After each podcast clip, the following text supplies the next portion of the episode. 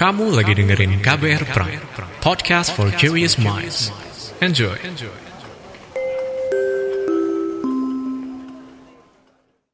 Keberadaan dunia kuliner di Indonesia memang tidak ada matinya, khususnya makanan lokal daerah yang saat ini sedang menjadi tren dan populer. Saat ini, sektor food and beverage sedang mendominasi meski di tengah gempuran pandemi COVID-19. Sektor ini malah mampu membangkitkan beragam inovasi serta peluang bisnis yang dapat mendatangkan cuan bagi pelaku usahanya. Apalagi melihat kebiasaan masyarakat Indonesia yang terkenal konsumtif dan suka jajan, masyarakat disuguhkan dengan berbagai jenis makanan dengan tampilan yang menarik yang mampu membangkitkan gairah para kaum jajan. Ini semua tentunya tak bisa dilepaskan dari sumber bahan baku dan juga proses produksi makanan dan minuman yang tentu saja berkaitan dengan sumber daya alam dan juga lingkungan. Seperti apa kiat agar usaha food and beverage ini terus eksis dan tetap mengusung kebaikan terhadap lingkungan? Kita bahas lebih jauh dalam podcast Jurus Anti Punah, podcast berseri untuk kamu yang belum siap punah. Jurus Anti Punah, podcast berseri untuk kamu yang belum siap punah.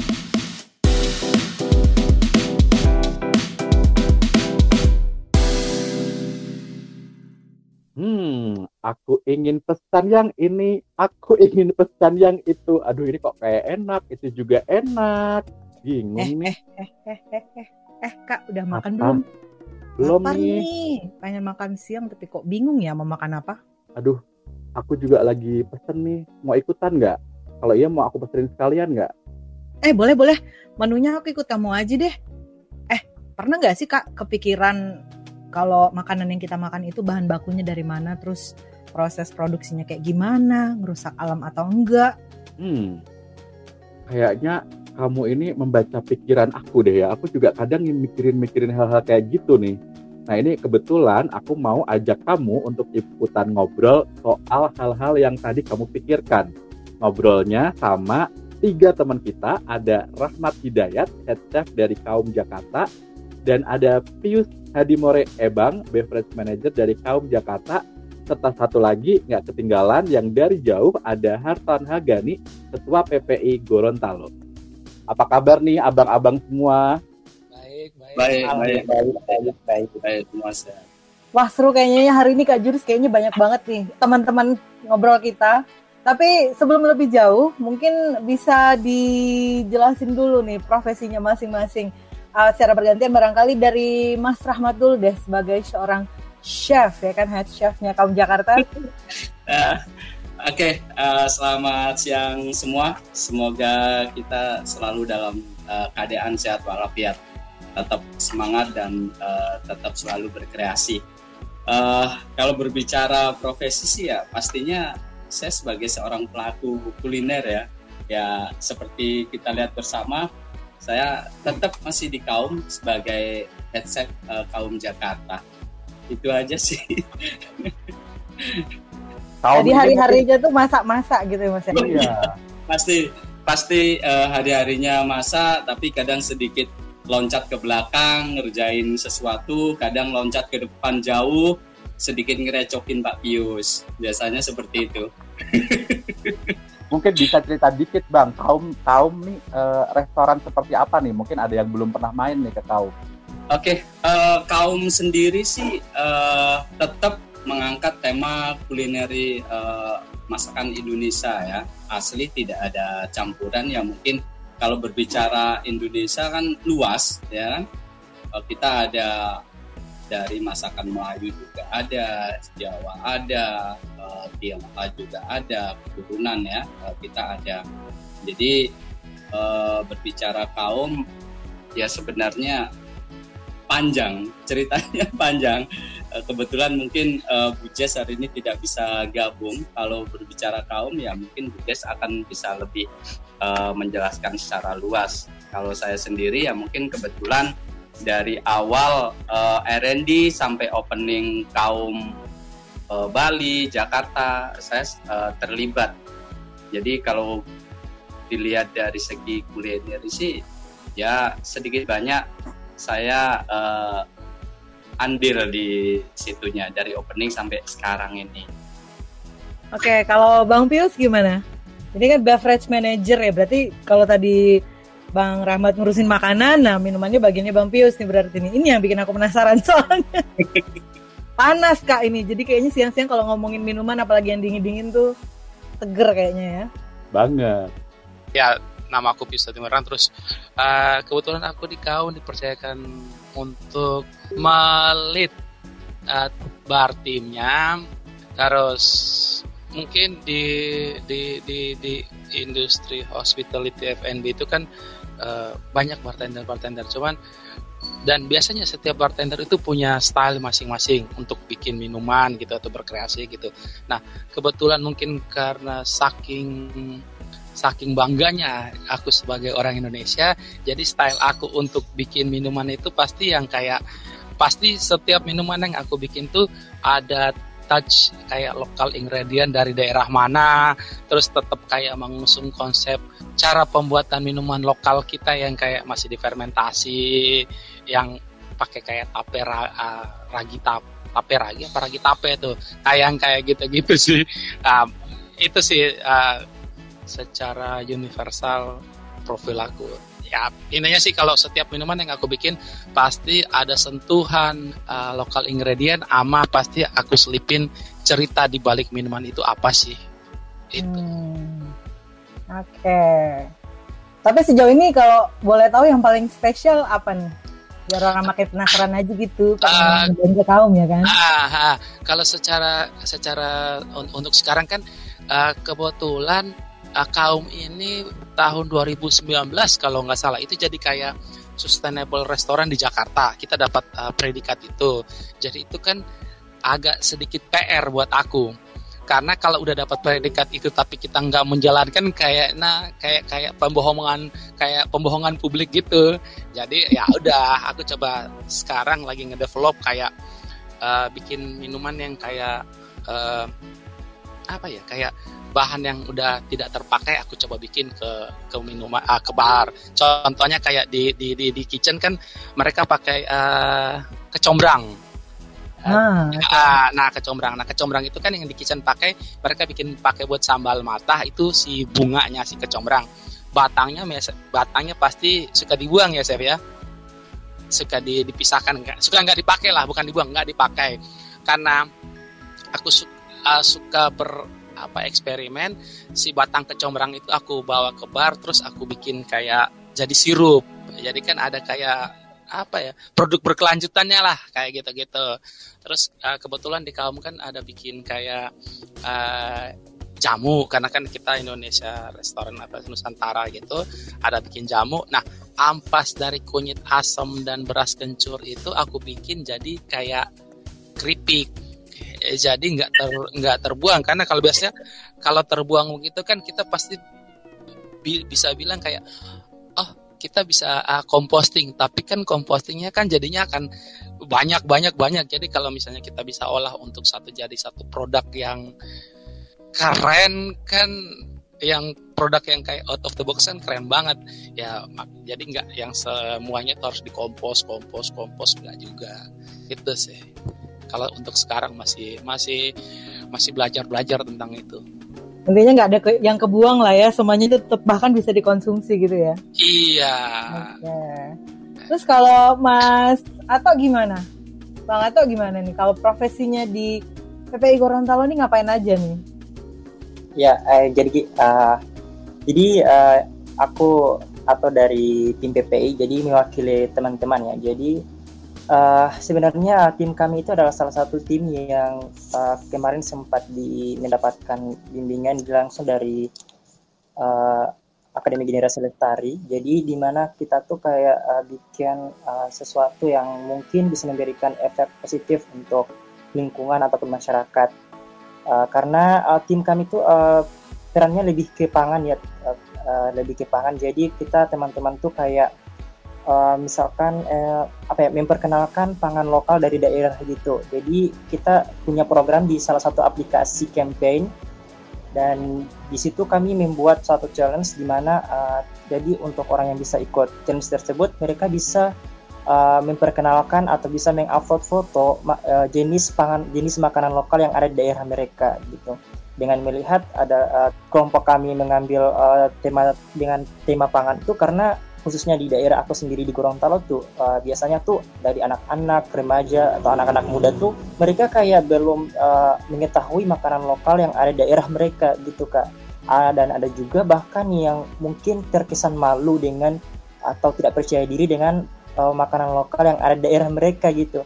Jadi ya udah kayak misalkan kayak aku dan teman-teman uh, sepakat untuk ayo kita kayak bikin challenge uh, untuk lebih memperkenalkan lagi nih makanan makanan lokal yang ada di daerah kita gitu. Jadi misalkan kalau misalkan yang, yang ikut challenge-nya dari daerah misalkan dari Sulawesi Utara jadi mereka bisa uh, memperkenalkan makanan lokal yang ada di daerah mereka gitu.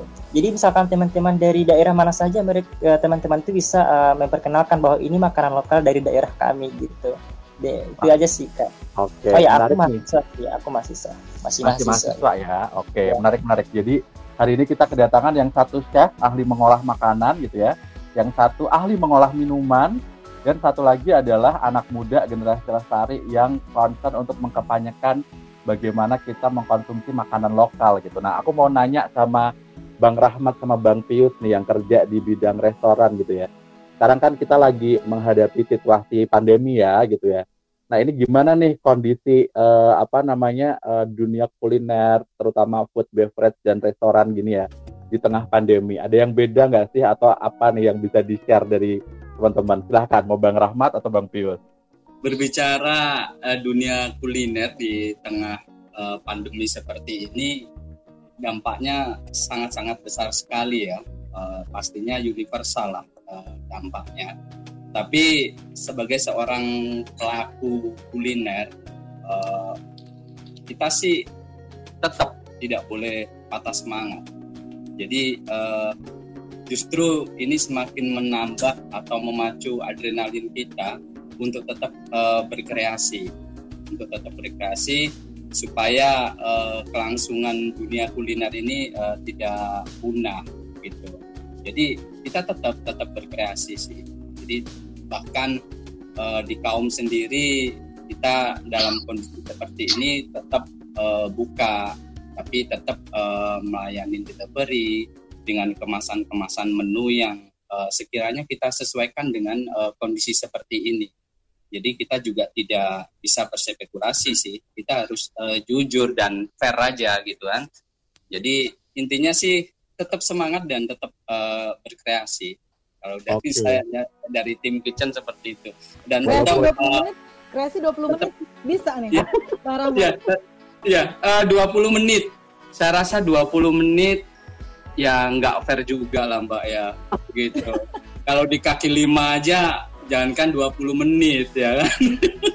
Terus kalinya gimana nih? Apalagi sekarang kan uh, apa dibanyakin ke apa kayak delivery gitu atau mungkin dibatasi untuk ya misalnya kayak menu-menu yang mungkin butuh waktu lebih lama gitu ya untuk prepare atau gimana?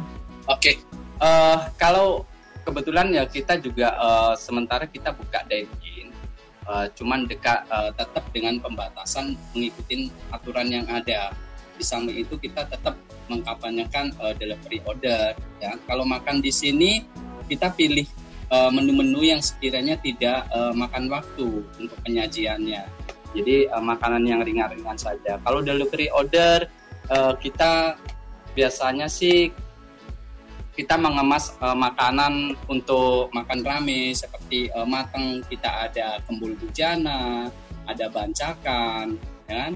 Uh, terus ada papa hari seperti itu. Kita mengangkat dari uh, kebiasaan uh, dari setiap daerah Jawa Tengah, Jawa Barat, Indonesia Timur kita kemas dalam satu uh, menu yang rantangan kita sajikan dalam uh, rantang dari bambu itu uh, jadi tetap uh, unik lah gitu.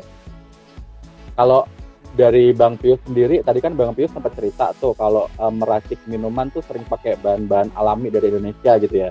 Nah dengan situasi pandemi kayak gini nih dan ppkm gitu ya kesusahan gak sih bang nyari bahan baku minuman yang uh, dari banyak tempat di Indonesia gitu? Ada efeknya nggak bang?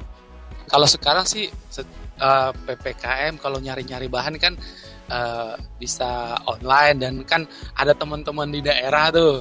Jadi ya ppkm sih nggak begitu berpengaruh besar sih buat aku. Justru dengan dengan dengan pandemi ini aku ngeliat kayak ada satu peluang buat aku di situ. Uh, jadi kan kalau buat aku sih ya jangan beralibi oh kita pandemi jadi nggak bisa ada peluang di situ. Enggak. Justru itu uh, peluang aku di situ untuk kayak ya kebetulan di sini aku ada ada punya ada beberapa item yang yang kayak minuman kesehatan gitu kayak jamu itu kan ya, kind of si minuman kesehatan. Jadi buat aku ya ini momen yang pas buat aku untuk memperkenalkan jamu atau minuman kesehatan versinya kaum uh, dan kan sekarang kayak demand orang untuk mengkonsumsi minuman kesehatan kan banyak. Jadi kayaknya uh, pas aja sih momentumnya. Jadi buat aku sih eh, ya nggak nggak begitu masalah sih dengan pandemi jadi uh, ka, kalau misalnya pandemi tapi kalau kita ngeliat ada satu peluang apa ya peluang bisnis atau peluang usaha di situ ya harusnya kan kita um, apa ya kayak pakai peluang itu untuk buat momentumnya pas. Jadi kalau buat aku sih kalau untuk mendapatkan bahan-bahan lokal dari daerah lain gak susah juga. Aku masih bisa dapat uh, pala dari fak-fak berapa puluh kilo, 40 kilo masih nyampe kok di Jakarta. Enggak masalah. Terus ya dapat uh, kayak as sirup asam maram dari Sintang masih karena kan kita punya teman-teman di sana mereka masih nggak masalah sih masih bisa emang, dapat. Emang gitu ya kalau kalau orang-orang yang di bisnis kreatif itu uh, selalu melihat hal yang positif ya. Jadi ya, harus di balik harus di balik pandemi itu selalu ada potensi yang bisa digali ada, gitu ya. Oke. harus. Nah, apa sekarang kita mau ngomongin soal uh, kelestarian gitu ya. Kalau kita ngomongin dunia kuliner sama pengen membuat uh, lingkungan yang lebih terjaga, bumi yang tetap hijau gitu ya itu biasanya orang terpaku nggak jauh dari uh, soal packaging yang ramah lingkungan gitu ya. Uh, kemasan yang ramah lingkungan atau uh, apa namanya kemasan yang bisa didaur ulang dan lain sebagainya. Nah tapi kira-kira kalau dari abang-abang berdua nih yang benar-benar pelakunya gitu ya gimana sih sebetulnya upaya pelaku kuliner ini untuk terus mengeksplor gitu ya? Tidak hanya packaging tapi juga bahan baku gitu ya untuk membuatnya tetap ada dan tidak punah gitu. Karena kalau tadi dengar Bang Pius pakai uh, sirup buah maram gitu ya atau pala dari fak-fak gitu ya. Yang mungkin uh, orang Jakarta tuh nggak tahu bentuknya kayak apa tuh buah maram gitu. Jadi gimana cara membuat bahan-bahan itu nggak punah gitu? Gimana Bang Rahmat dan Bang Pius? Silahkan kalau dari aku sendiri kayak ya mungkin tadi udah disampaikan kalau uh, pada umumnya para pelaku bisnis uh, F&B hospitality itu mereka cuma berpatokan untuk packaging. Sedangkan kalau menurut aku sendiri secara pribadi packaging itu bukan suatu patokan. Uh, masih ada cara lain untuk kita apa ya membuat sesuatu yang sustainable apa yang ramah lingkungan atau mungkin ada cara lain untuk kita mengkampen kayak um, aku baru launching sebenarnya sih baru launching promo kayak uh, uh, bikin kalau nggak salah ada 6 minuman apa 8 minuman itu bertemakan uh, temanya itu hasil hutan bukan kayu.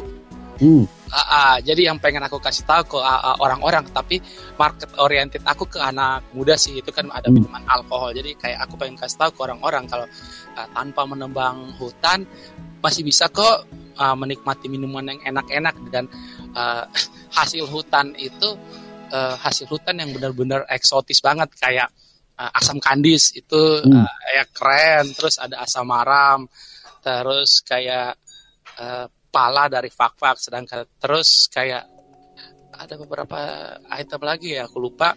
Itu dan aku kasih namanya nama setiap minuman itu pun kayak nama uh, cagar alam di sana apa nama apa sih nama hutan lindung di sana kayak di ada satu minuman itu aku kasih nama uh, loser atau apa kayak gitu-gitu. Jadi uh, dan apa ya pas sebelum aku uh, launching kan aku udah mengkasih apa ya kasih training untuk tim yang di sini. Kenapa namanya ini kenapa namanya ini kenapa namanya ini bahannya adalah ini ini ini. Biar uh, pas pada saat kita serve itu kita bercerita. Jadi uh, orang yang pesan pun orang yang menikmati pun mereka akan notice oh ternyata begini ya. Jadi kalau ya itu sih cara aku untuk mengkampen kalau apa ya uh, ya kita emang sih uh, hospitality industry yang profitable tapi kita masih bisa peduli kok sama lingkungan kita. Nah terus yang kayak tadi yang aku udah pernah share kalau kita uh, kaum ini dapat predikat rest, apa sih sustainable restoran dari Pemda DKI ya mau nggak mau aku harus lebih giat lagi untuk explore hal-hal yang related sama uh, sustainable. Kalau enggak kan ya percuma dapat predikat itu tapi nggak ada apa-apanya di sini. Cuman kita bilang oh kita punya kom proses composting kok di atas. Cuman kan itu agak sedikit gimana ya nggak hmm. belum belum maksimal aja sih buat aku. Ya.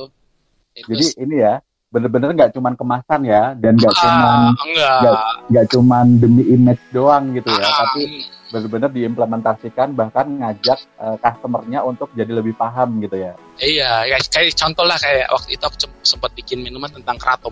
Kan gak semua orang Indonesia orang apa tahu tentang keratom, sedangkan orang luar tuh sangat tahu tentang keratom sampai aku didatengin kayak peneliti dari Kanada. Uh, dia sempat nanya, oh gini gini gini, aku bilang ya sampai aku kasih kasih nomor telepon teman-teman di Sintang. Kalau mau pergi ekspor silakan ekspor sendiri biar hmm. tahu gimana, gimana sih keraton itu. Kalau orang mereka bilang oh itu masuk golongan psikotropika. Enggak kok di sana itu kan sebagai kayak apa ya kayak painkiller gitulah penghilang rasa sakit. Jadi kan ada dua opini. Itu sih kalau menurut aku. Ya ya ya menarik Nah ini tadi soal apa beberapa kali disebut sama Bang Rahmat sama Bang Pius soal uh, apa namanya sustainable uh, restoran gitu ya hmm. dari Pemda DKI gitu. Mungkin uh, Bang Rahmat bisa cerita nih uh, sustainable restoran yang didapat sama kaum nih apa aja sih yang membuat kaum tuh dapat predikat itu gitu?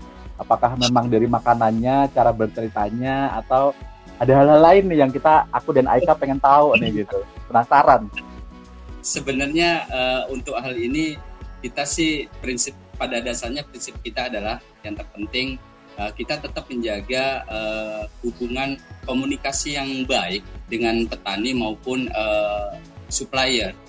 Jadi kalau terjalin hubungan baik dengan uh, maupun kons apa uh, komunikasi kita yang baik dengan supplier maupun petani, pastinya semua akan berjalan lancar.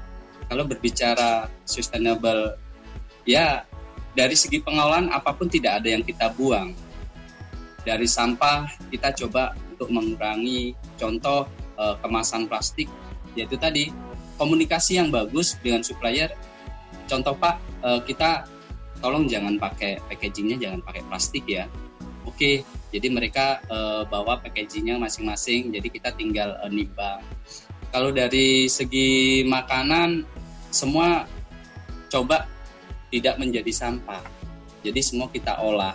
Ya tadi uh, seperti Pak Pius tadi kayak kecombrang itu tidak ada yang kebuang.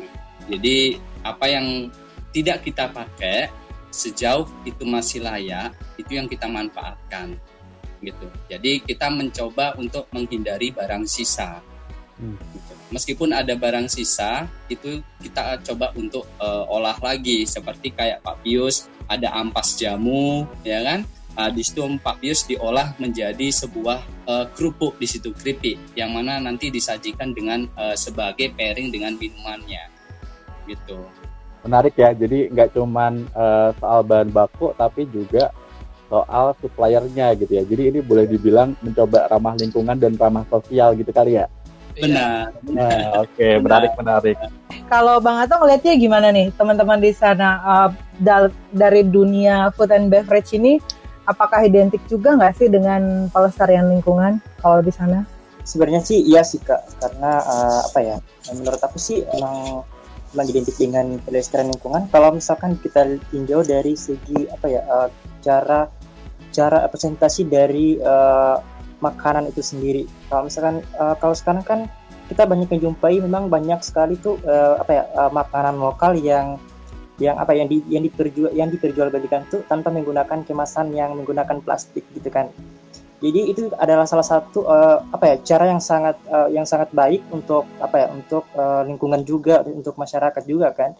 Karena kalau misalkan kita untuk sekarang tuh kita lihat kan banyak begitu banyak produk-produk uh, yang diperjualbelikan di pasaran itu kan banyak mengandung sampah plastik gitu. Jadi beda dengan misalkan kita uh, untuk sekarang sih aku banyak uh, menjumpai di tempat-tempat penjualan makanan khususnya tuh kayak misalkan mereka kayak uh, menjual makanan ya udah ya kayak lebih banyak kayak lebih banyak um, kita makan langsung di tempatnya daripada kita harus bawa ke rumah gitu. Dan memang untuk menu makanannya pun sekarang sih kalau untuk di sekitar aku sih lebih banyak yang apa ya yang uh, yang siap dimakan di tempat gitu, nggak harus dibawa ke rumah. Jadi untuk untuk sekarang pun orang-orang tuh kayak misal kayak misalkan mulai mulai apa ya kesannya tuh kayak mereka udah mulai membanding-bandingkan uh, keadaan lingkungan kita yang dulu dibanding yang sekarang gitu. Kalau yang di kita yang dulu kan mungkin banyak sekali uh, mungkin dari masyarakatnya kurang mendapatkan apa ya uh, informasi atau sosialisasi terkait uh, sampah. Kalau untuk sekarang kan mungkin udah mulai ada ya orang orang anak-anak muda yang mulai uh, meng, uh, kasih tahu ke masyarakat bahwa uh, negara kita khususnya Indonesia tuh kayak ya, menjadi salah satu negara yang menghasilkan sampah tuh uh, banyak gitu. Jadi kalau menurut aku sih ya, bagus sih untuk misalkan eh, makanan lokal tuh kayak menggunakan kayak menggunakan tidak menggunakan eh, apa ya kemasan yang berbahan plastik. Karena sekarang udah di di, di apa di lingkungan aku sekarang udah banyak uh, makanan-makanan yang diperjualbelikan tuh uh, tanpa menggunakan kantong plastik gitu ini menarik ya kalau zaman dulu kan uh, zaman aku kecil zaman Aika kecil gitu ya itu kan kita kalau beli makanan dibungkusnya pakai daun pisang ya. Dan apa kalau di beberapa daerah di Jawa karena aku orang Jawa gitu pakai daun pakai daun jati gitu. Jadi itu fine fine aja gitu ya kenapa sekarang semua harus dibungkus banyak banyak gitu. Nah ini menarik sih tadi aku abis googling googling dan lihat-lihat Instagramnya Kak Ato nih gitu ya. Di situ ada ada tulisan makanan ramah iklim gitu. Nah ini sebetulnya yang disebut makanan ramah iklim yang lagi dikampanyekan sama teman-teman PPI Gorontalo tuh kayak apa Kak Ato? Boleh diceritain nggak? Ramah iklim tuh yang gimana nih makanannya? Oh iya gini. Oke, jadi awalnya tuh kita tuh eh, tim, PPI itu uh, kayak kita nggak apa ya nggak nggak nggak nggak mengaitkan uh, pangan lokal tuh ke iklim. Cuman karena kebetulan uh, tim PPI juga sempat mendapatkan uh, ya apa ya pelatihan tentang iklim juga jadi uh, ya udah kita kayak kita kita bersama tim itu kayak udah ya kita coba deh uh, dengan melihat keadaan lingkungan kita sekarang yang mungkin banyak sekali sampah plastik kita coba uh, memberikan kampanye terhadap makanan lokal tapi memiliki dampak ya memberikan dampak positif kepada lingkungan gitu. Misalkan tadi uh, kayak makanan lokal yang tidak menggunakan apa ya yang tidak menggunakan uh, kemasan plastik yang yang sekali pakai itu salah satunya uh, kita kalau misalkan di Gorontalo tuh ya ada masalah satu makanan namanya makanan binde biluhuta makanan binde biluhuta ini adalah salah satu makanan yang apa ya yang tidak menggunakan kemasan sama sekali. Jadi kalau misalkan kita pengen makan makanan ini tuh uh, kita langsung makan di tempat. Atau misalkan kita makan di rumah ya udah makan di rumah aja gitu. Nggak harus kita pakai kantong kantong plastik nggak harus pakai kemasan-kemasan lain-lain juga Terus maksud dan tujuan kami uh, kenapa sih kita uh, tuju, uh, memberikan kampanye terhadap pangan, tapi kenapa harus ada iklimnya? Karena uh, kalau kita bicara soal iklim ya kak, uh, jadi kita tuh kayak misalkan salah satu yang mempengaruhi krisis iklim kan pasti lingkungan yang nggak uh, bersih gitu kan. Jadi salah satu upaya kami adalah uh, bagaimana caranya sih kita kayak kasih tahu ke orang-orang bahwa pangan ternyata juga menjadi salah satu uh, uh, apa ya yang dapat uh, salah satu salah satu uh, apa ya, hal yang dapat uh, menyebabkan krisis, krisis iklim kalau kita tidak mengolahnya dengan bijak gitu misalkan uh, kayak kita mengu kayak bisa kayak kita mengurangi uh, mengonsumsi makanan yang uh, menggunakan kemasan plastik sebenarnya ada banyak sih kak untuk yang hmm. dapat menyebabkan krisis krisis iklim selain daripada uh, pangan tapi juga ada juga beberapa yang hal yang cuman kita fokusnya ke pangan aja deh okay. pangan aja karena oh. mungkin banyak yang tahu gitu Aika okay. pernah makan itu nggak tadi huh? yang disebutin sama Kak Ato? Binte bulu, binte biluhuta. Binte biluhuta ya? Uh, uh, iya, pernah iya. makan nggak? Aika? Belum sih, tapi aku udah lihat gambarnya, kayaknya enak banget nih buat makan iya. siang. Iya, Habis ini kita harus ke Gorontalo nih kayaknya makan binte biluhuta. Atau di Kaum ada jual deh binte biluhuta, mungkin. Kalau di sini kak, banyak banget yang jual uh, makanan itu kak, karena memang itu salah satu makanan banyak favorit masyarakat. Iya. Oh, dan ini Binte Bilhuta tuh keren banget ya karena teman-teman di Gorontalo tuh kan memang banyak jagung ya. Jadi makanan utamanya tuh masih jagung. Itu juga menurut iya. aku ramah iklim ya karena nggak harus ya. mengimpor beras dan mentrans, uh, mentransfer beras dari Jawa ke Gorontalo gitu. Itu kan ya. membuang-buang emisi ya. Jadi ramah iklimnya juga karena pakai bahan lokal gitu sih. Berarti Silahkan bisa dibilang bahwa berarti bisa dibilang bahwa makanan yang ramah iklim tuh bisa juga ramah dompet ya kak? Oh bisa jadi ya. Ya kan? Ini menarik loh itu kalau ramah dompet itu kesukaan saya dan Aika nih. Oh banget. Nah, eh ada nih kalau dulu kan pakar kuliner almarhum Bondan Winarno pernah bilang bahwa makanan dan minuman tuh nggak hanya dinikmati dari rasanya aja tapi dari ceritanya gitu.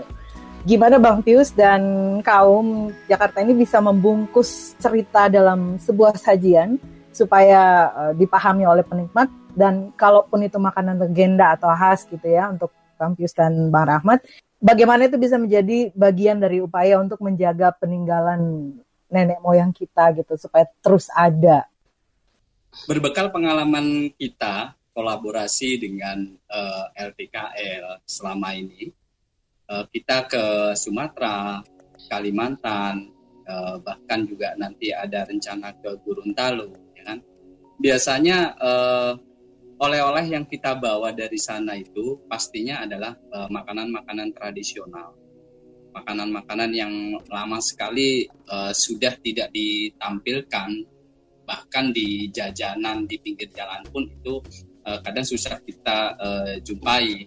Kebanyakan itu makanan-makanan uh, migrasi, ya kan, makanan pendatang yang kebanyakan dijual di situ.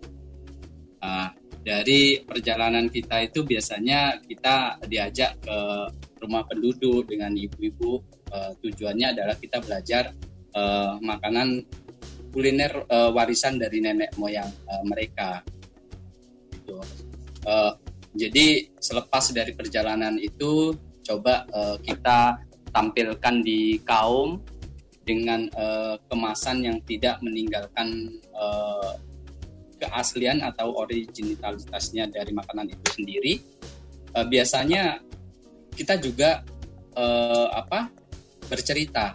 Jadi kita ada sebelum kita jual itu kita sajikan ke tamu biasanya kita ada training dengan uh, tim uh, service. Jadi bahwa makanan ini tidak hanya sekedar uh, makanan, tapi makanan ini mempunyai uh, nilai historinya. Jadi dari situlah uh, kenapa banyak oh, kaum itu tidak hanya menjual makanan loh, tapi kaum itu uh, berbagi histori dari uh, makanan yang disajikan. Biasanya tamu itu lebih apa ya terkesan. Biasanya anak-anak uh, dikasih apa daftar menu ini makanan apa, uh, terus mereka ceritakan. Dari situlah uh, timbul uh, apa rasa pingin tahu yang lebih dalam dari tamu. Jadi selama ini tamu hanya sekedar makan, tapi sekarang makan sambil uh, didongengin biasanya gitu. Oke, kalau itu kan dari makanan. Uh, kalau minuman gimana nih? Mungkin lebih banyak cerita juga kali ya. Kayak tadi kan dari jenis makanan-makanan tuh ada cerita. Eh, dari minuman tuh banyak apa namanya cerita-cerita di balik itu. Apalagi minuman minuman lokal kita yang banyak banget ini kan ya jenisnya. Oke, kalau dari minuman sendiri, um, ya sama sih dari dari dari yang tadi saya Rahmat sudah sampaikan bahwa kalau pas pada saat kita pergi uh, apa ya berkolaborasi itu itu uh, apa pulang pasti kita akan implement di di kaum sendiri. Nah pas pada saat pergi itu kan kita suka belajar belajar segala macam dan kalau saya itu suka uh, bereksplorasi apa sih kayak bereksplorasi sendiri dengan gaya saya jadi contohnya pas pada saat kita trip terakhir itu kita ada kolaborasi, kita pergi ke Papua. Jadi kalau makanan Papua itu Indonesia Timur pasti selalu ada ikan kuah kuning. Dan ikan kuah kuning sempat uh, heboh karena ada satu dengan hal kemarin tuh. Nah, ikan kuah kuning. Ikan kuah kuning itu kan uh, apa ya kayak makanan. Jadi aku coba adapsi konsep ikan kuah kuning itu ke minuman. Jadi agak sedikit apa ya kayak beda sendiri dan aku punya histori di situ kalau ya ini aslinya sih bukan minuman. Ikan kuah ya ikan kuah kuning ya kuah tapi aku ngasih nama ikan kuah kuning kita nama kuah kuning. Kuah kuning apa apa kuah kuning Papua apa kayak gitu gitu uh, cuman aku ambil konsepnya kayak dari si bahan bahannya kayak kunyit kemangi cabai dan kawan-kawan. Nah itulah. Jadi pas pada saat orang menikmati dan tim juga akan bercerita kenapa namanya ini gini gini gini sebenarnya sih secara garis besar sih sama dengan sama cuman yang aku terus kayak uh, aku suka mengganti beberapa bahan yang rasanya tuh mirip-mirip. Contoh kayak kalau kita bikin minuman itu pasti akan ada beberapa komposisi manis, pahit, pedas, asam. Yang suka aku mainin itu di asam rasa asamnya itu karena kan biasanya orang rasa asam itu mereka uh, orang akan berpikir hanya dapat dari dari lemon sama jeruk nipis. Sedangkan kan kita bisa eksplorasi lagi. Mungkin rasa asam itu kita ganti, kita ambil dari asam Jawa kah, asam kandis kah, atau dari terong asam mungkin yang kayak gitu-gitu. Maksudnya ya seperti itu sih. Jadi sebenarnya sih nggak terlalu susah aku untuk menggonta-ganti menggonta-ganti apa ya cara kayak membuat minuman cuman hanya ganti kayak oh ini rasa ini aku ganti sama ini rasa ini aku ganti sama ini. Ya kayak gitu gitu sih. Kayak biasanya orang bikin mungkin mungkin orang di luar sana uh, satu, minuman kayak international cocktail kayak uh, pakai daun mint kayak mojito itu kan sangat-sangat identik sama daun mint. Aku coba ganti aku ganti pakai daun popohan. Terus pas waktu pergi ke Siak itu ada namanya daun tengge kurung itu kan di sana mereka bisa pakai buat kayak lalapan. Itu aku bikin minuman pakai daun itu. Jadi kayak sama sih fungsinya sih, sih sama. Kayak apa ya refreshnya itu dari si daun itu. Cuman ya itu aku gonta ganti sedikit sedikit sih. Hmm. kemangi bisa kali ya kak ya? Bisa. Kemangi. Oh bisa beneran? Bisa. Bisa banget penasaran nih jadinya sama uh, es kemangi Oke, aku mau ke Kak Ato dulu kali ya. Kak Ato, kalau dari kampanyenya Kak Ato yang dilakukan sama teman-teman PPI Gorontalo, kan ini target kampanyenya ke teman-teman anak muda ya. Uh, dengan kampanye makanan ramah iklim atau makanan yang berkelanjutan ini, tanggapan dari teman-teman seperti apa Kak Ato di Gorontalo sana? Oh iya, jadi oh ya kebetulan kemarin juga sempat uh, sempat ketemuan sama teman-teman dan aku juga sempat menceritakan nih uh, kampanye aku di aplikasi itu dan mereka pada bilang uh, apa ya kayak misal kayak mereka tuh kayak mis kayak bertanya ke aku balik eh, apa sih maksud dari maksud dan tujuan aku tuh bikin challenge seperti itu gitu. Jadi aku aku langsung kasih tahu aja uh, tujuannya adalah uh, kayak kita masyarakat juga sih sebenarnya apalagi kita anak muda gitu. Kita sebagai anak muda itu salah satu uh, apa ya uh, salah satu tenaga baru gitu untuk uh, melanjutkan apa yang udah ada gitu sejak dulu gitu. Aku bilang bahwa uh, tujuan aku adalah untuk, membuat challenge itu adalah kita uh, harus mempertahankan apa yang sudah dimiliki oleh daerah kita gitu. Misalkan dari pangan lokal yang sudah ada sejak dulu, kita harus mempertahankan dan bahkan mengembangkan apa yang sudah ada gitu. Karena yang melihat kalau sekarang tuh kak uh, bedanya dengan anak-anak anak-anak aku bisa mungkin aku bisa berasumsi bahwa anak-anak desa dan dengan anak-anak muda yang ada di perkotaan itu pengetahuan pengetahuan tentang pangan yang udah ada sejak dulu itu sangat beda kak antara anak desa sama anak kota. Kalau anak desa mungkin mereka uh, setidaknya sedikitnya ada pengetahuan lah dibandingkan dengan orang eh, anak anak-anak muda anak-anak muda yang ada di perkotaan yang bahkan sama sekali udah nggak tahu ya, jenis pangan lokal dan bahkan namanya pun mereka udah nggak tahu gitu. Jadi makanya aku ajak teman-teman aku dari tim PPI itu yang dari bukan yang hanya dari pedesaan tapi aku juga ajak yang dari perkotaan biar uh, penyebaran dari challenge itu bisa bisa luas gitu. Bukan hanya ke anak-anak yang ada di desa tapi juga ke anak-anak yang ada di perkotaan.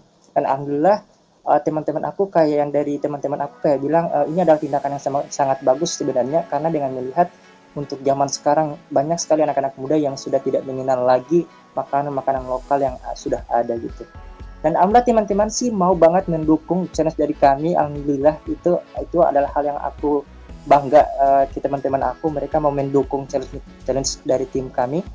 Dan mereka juga sangat apa support dan mereka sangat antusias dengan apa yang udah kami buat.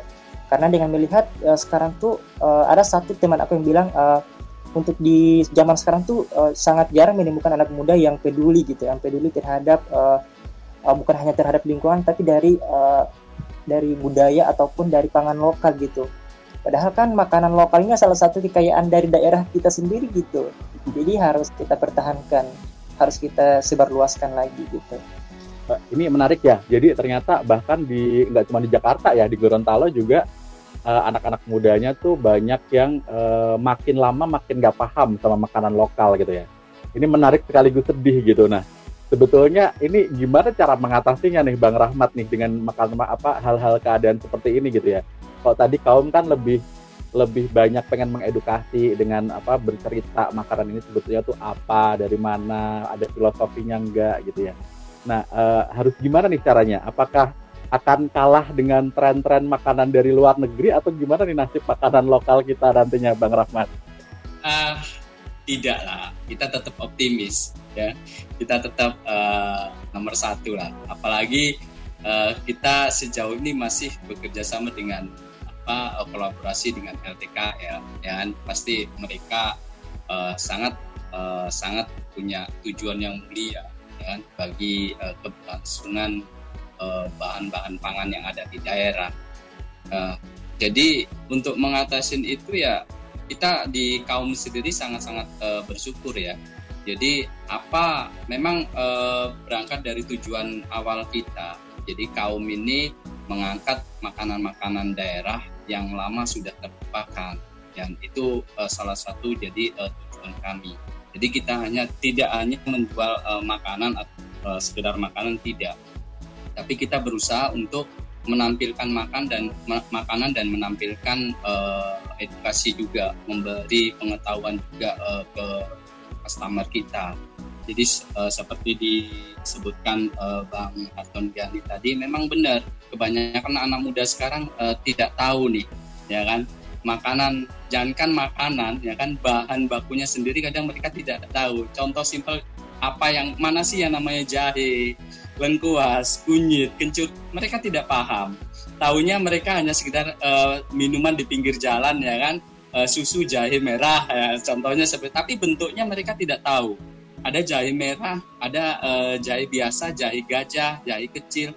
Apalagi berbicara uh, liak padi jahe khas dari Sintang ya kan? Dari Pontianak sana. Mereka pasti uh, saya rasa tidak akan tahu. Dari sinilah uh, kaum sangat-sangat uh, tertantang untuk uh, mencoba memberikan uh, apa uh, pengalaman berbagi pengalaman uh, pada generasi muda kita. Ya contohnya uh, kaum sering uh, mengadakan ada acara-acara seperti kalau perjalanan dari Sintang eh, kita pasti ada suatu event di mana kita menampilkan yang kita tampilkan adalah makanan-makanan lokal di sana dengan bahan-bahan baku yang di sana. Bahan bakunya pun juga kita bawa. Jadi kita tampilkan makanan, eh, makanan yang sudah jadi, makanan bahan-bahannya juga kita tampilkan dibantu dengan teman-teman media juga ya kan untuk membantu untuk sharing ke para generasi muda kita. Jadi kembali lagi, memang uh, kita sih tidak hanya sekedar menampilkan makanan, uh, tapi kita uh, turut memberikan uh, pengetahuan juga, ya kan?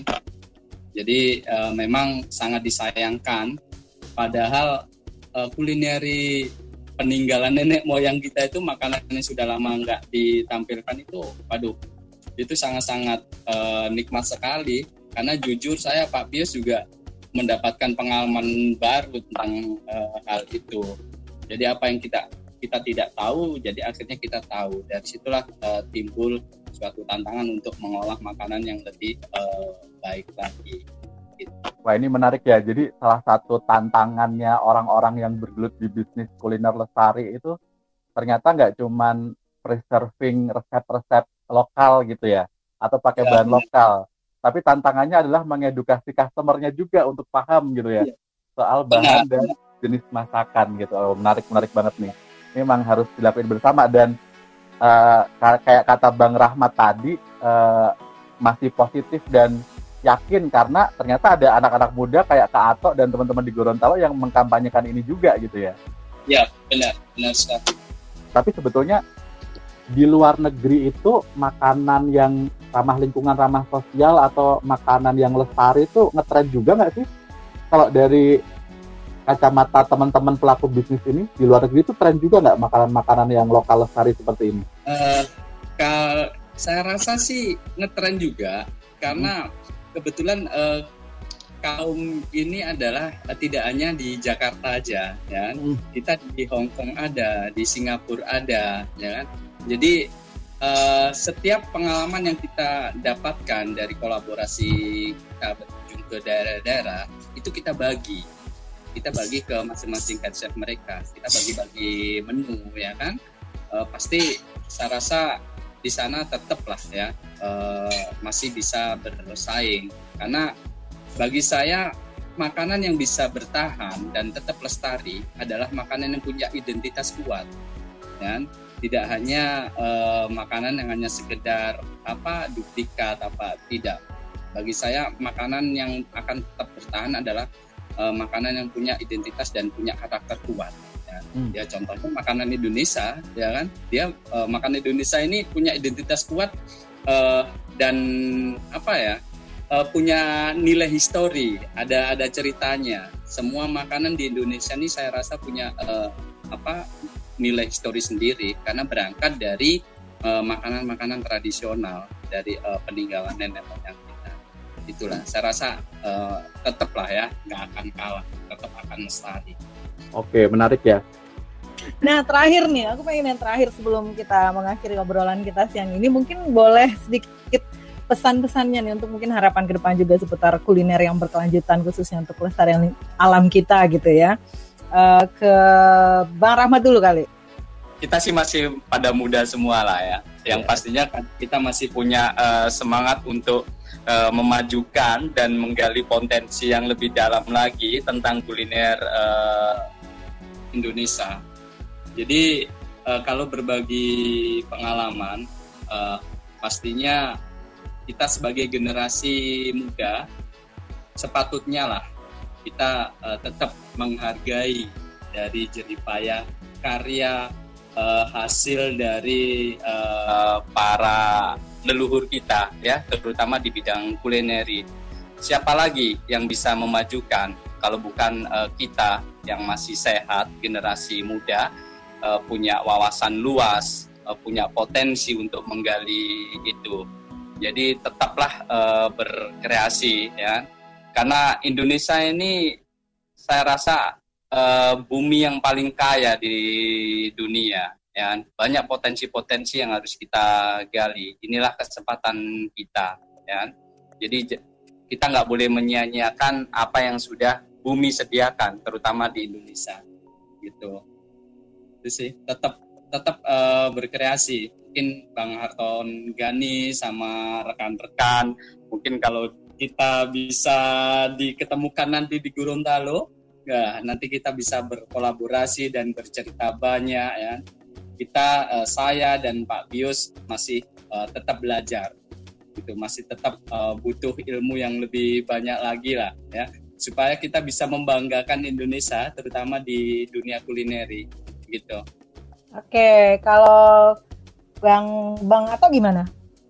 Oh, aku sih eh, kayak uh, berharap sih semoga kuliner-kuliner Indonesia makin maju terus, makin ya, terus juga apa ya pangan lokal dan makanan lokal dari setiap daerah harus tetap dipertahankan oleh anak-anak muda, oleh oleh orang-orang Indonesia harus tetap dipertahankan karena apa ya? Karena ini uh, makanan lokal ini adalah salah satu warisan daripada orang-orang yang terdahulu sebelum kita. Jadi ini adalah untuk menjaga dan melestarikannya adalah amanah untuk kita sebenarnya gitu.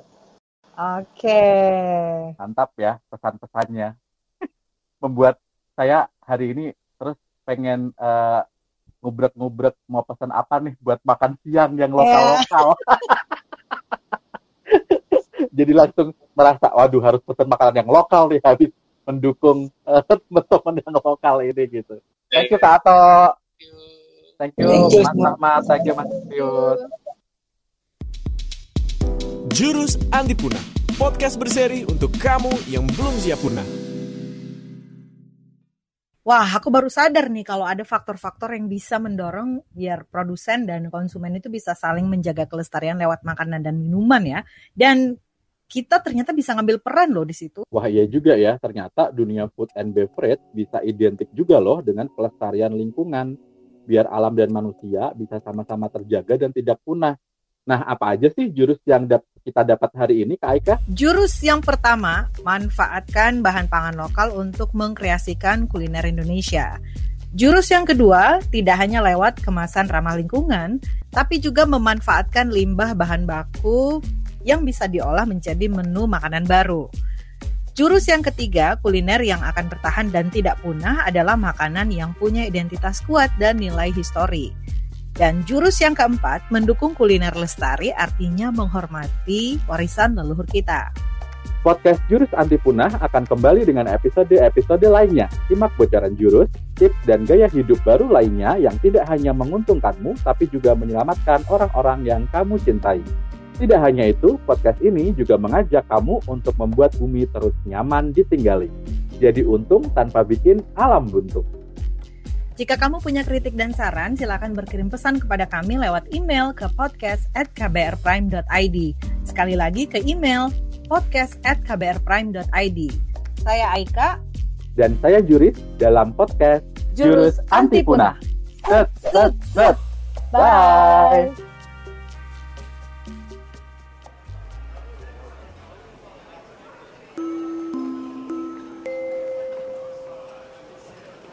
Terima kasih sudah mendengarkan KBR Prime, podcast for curious minds.